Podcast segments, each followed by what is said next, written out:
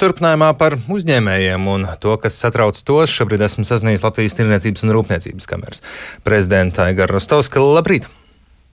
Labrīt! No šodienas, principā, brīvprātīgi uzņēmumi var testēt savus darbiniekus darbam klātienē, ar iepirkumiem, varbūt tās sākotnējās idejas par obligāto testēšanu nav ieviestas, bet kas notiks patiesībā uzņēmējiem? Ir kāda skaidrība par visu šo procesu? Nu, uzņēmēji jau ir nu, pielāgojušies kopumā, tai neskaidrajai vidē nu jau būs divi gadi. Protams, ka kopumā tas um, Covid krīzes menedžments um, nu, mūs neiepriecina, tas, tas līmenis, ja tas vadības uh, līmenis un ar tādiem haosa elementiem, bet nu, ko darīt, ir jāpielāgojās. Uh, attiecībā uz testiem, ko jūs teicāt, daudz uzņēmumu brīvprātīgi jau tāpat to dara un testē, nu, te, šī te ideja par tādu obligātumu, nu, tas mums likās tāds pilnīgi liels absurds un haus, un tad, paldies Dievam, izdevās šo te novērst, jā, un, un, un protams, jau, jo, ja neviens uzņēmējiem nav interesēts, lai, lai viņa uzņēmumā, respektīvi, izraisītos kaut kāds šis te, nu, Covid uzliesmojums. Tā kā, nu, es gribētu teikt, lielākā daļa uzņēmēji ļoti atbildīgi, jo tas jau tiešā veidā var skārt viņam viņa biznesu. Jā, Jā valsts nu, kompensēt šīs izmaksas. Uh, nu, viens ir kompensēt, bet, bet otrs tev ir, nu, viss tas, viss tas, kas ar to saistīts, jā, nu, tur, tur ir virkni nianses, tad mēs varam ļoti dziļās detaļās iekrīt, tā kā tā. Kā tā.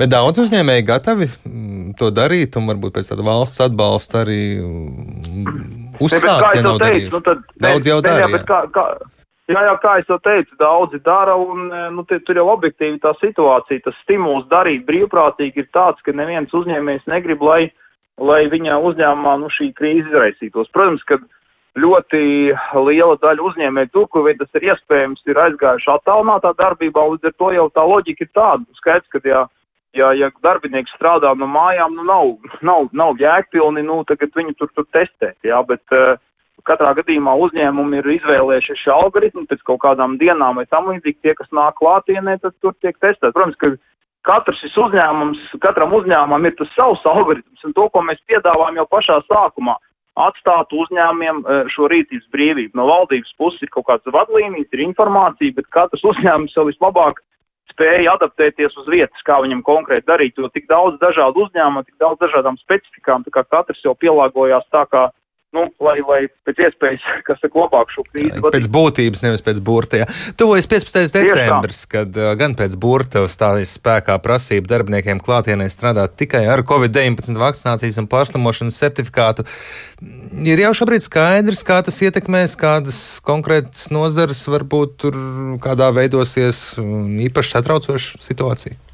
Nu, nu, skaidrs, ka mums arī bija iekšējas diskusijas, jāsaka gan tā, ka lielākā daļā uzņēmumu nozaru, nu, tas, tā saucamā vakcinācijas aptver ir ļoti augsts, tur 90%, kuro vairāk, bet ir atsevišķas nozares, kur, nu, jā, tie signāli bija, nu, respektīvi no, no, no, no, no cilvēkiem, no kolektīviem, kad bija zināms, zinām izaicinājumi, jā, Un, un, un, un tad, protams, nu, šis, šis datums ir pienācis, un katrs jau atkal darīs, kā varēs, jo, jo nu, tā ir tā, ir tā realitāte, kāda, kāda tā ir, un, nu, faktiski caur šo arī, arī šī, šī lieta nedaudz pastiprina to vēl vienu problēmu, kas ir šī te darba spēka, darba spēka problēma kā tāda, jo, nu, rēdījuma sākumā es, es dzirdēju, ka tiek apspriest arī par, par tādiem pasaules tendencēm, par eksporta pieaugumu, skaidrs, ka arī Latvijā to, ko mēs redzam, nu, tā, ir, tā ir ļoti laba ziņa, ka kopumā eksportētā īpaši ražotā ir, ir šis te pieaugums, vai vismaz nav kritums, jā, bet lielai daļai tiešām ir pieaugums.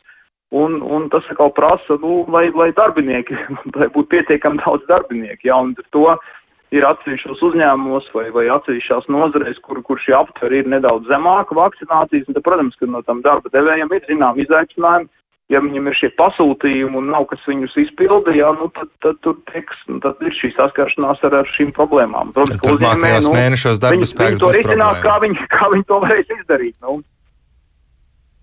Ir iespējams risināt šobrīd, ja tā būs tāda nu, nepārvarama nu, problēma. Daži pat saka force majeure.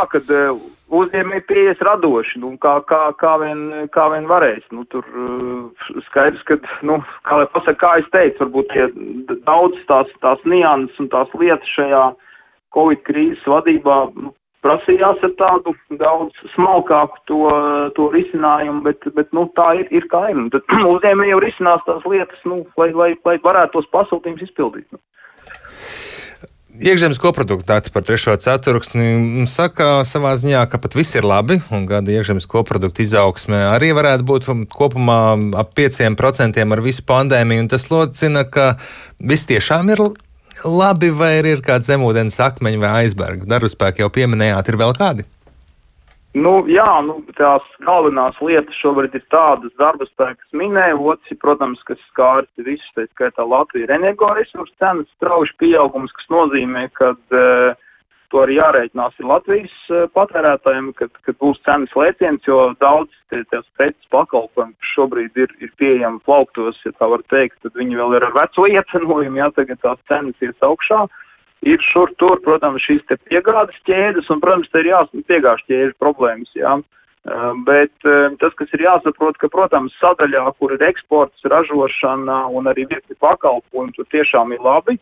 Ir nozares, kas arī ir nu, saistītas ar, ar, šo te krīzi, tad ziņā skaidrs, ka tā pasaule ir pārgājusi digitālā virzienā un viss kaut kādas tās saistītās lietas, bet uh, atkal ir, ir asimetrija, ka, protams, daudziem pakalpojumiem, nu, ko mēs atkal varam tikai atkārtot un atkārtot, visi tie, nezinu, pasākumi un ēdināšana un, un, un tā, tāda tur arī ir, tur, tur atkal ir problēmas, jā. Un mēs atkal saprotam, ka, nu, daudz tās lietas tiek risinātas uz, uz ārējā parāda pieaugumi, jā, un, un, un, un tā ir faktiski tāda nedaudz mākslīga stimulācija un arī nāk šīs te Eiropas naudas pakāpeniski iekšā, un tur atkal ir kaut kāds pārkaršanas, nu, tā kā respektīvi tā, kopumā ņemot, eh, nu, mēs uz tā zirgie, var tā teikt, turamies kā ekonomika, bet eh, nu, ir tās blaknes un, un tā nākotnes perspektīva ir diezgan neskaidra, jo skaidrs, ka tie, tie parādi pieaugs un kaut kādā brīdī būs, eh, nu, tomēr arī tas budžets, nu, jāvāk tās jostas tiešāk, un tad ir svarīgi, kā, kā tā pārgrupēšanās not, notiks, jā, jo, nu, var jau kaut kādu brīdi to darīt ar, ar, ar kā saka, mākslīgu naudas piešķirts, bet tas nav ilgspējīgi. Tas vairāk par valsts menedžmentu. Cenu kāpumu uzņēmēji un nozares uh, pārdzīvos?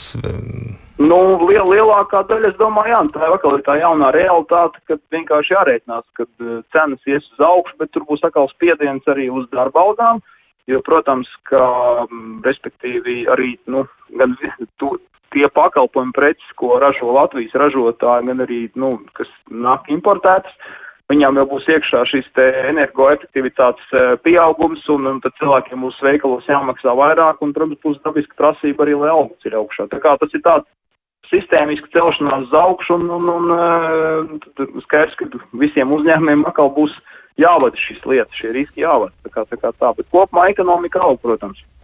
Paldies jums par un šorīt Latvijas Tirniecības un Rūpniecības kameras prezidents Egars Rostovskis ar mums sarunājās.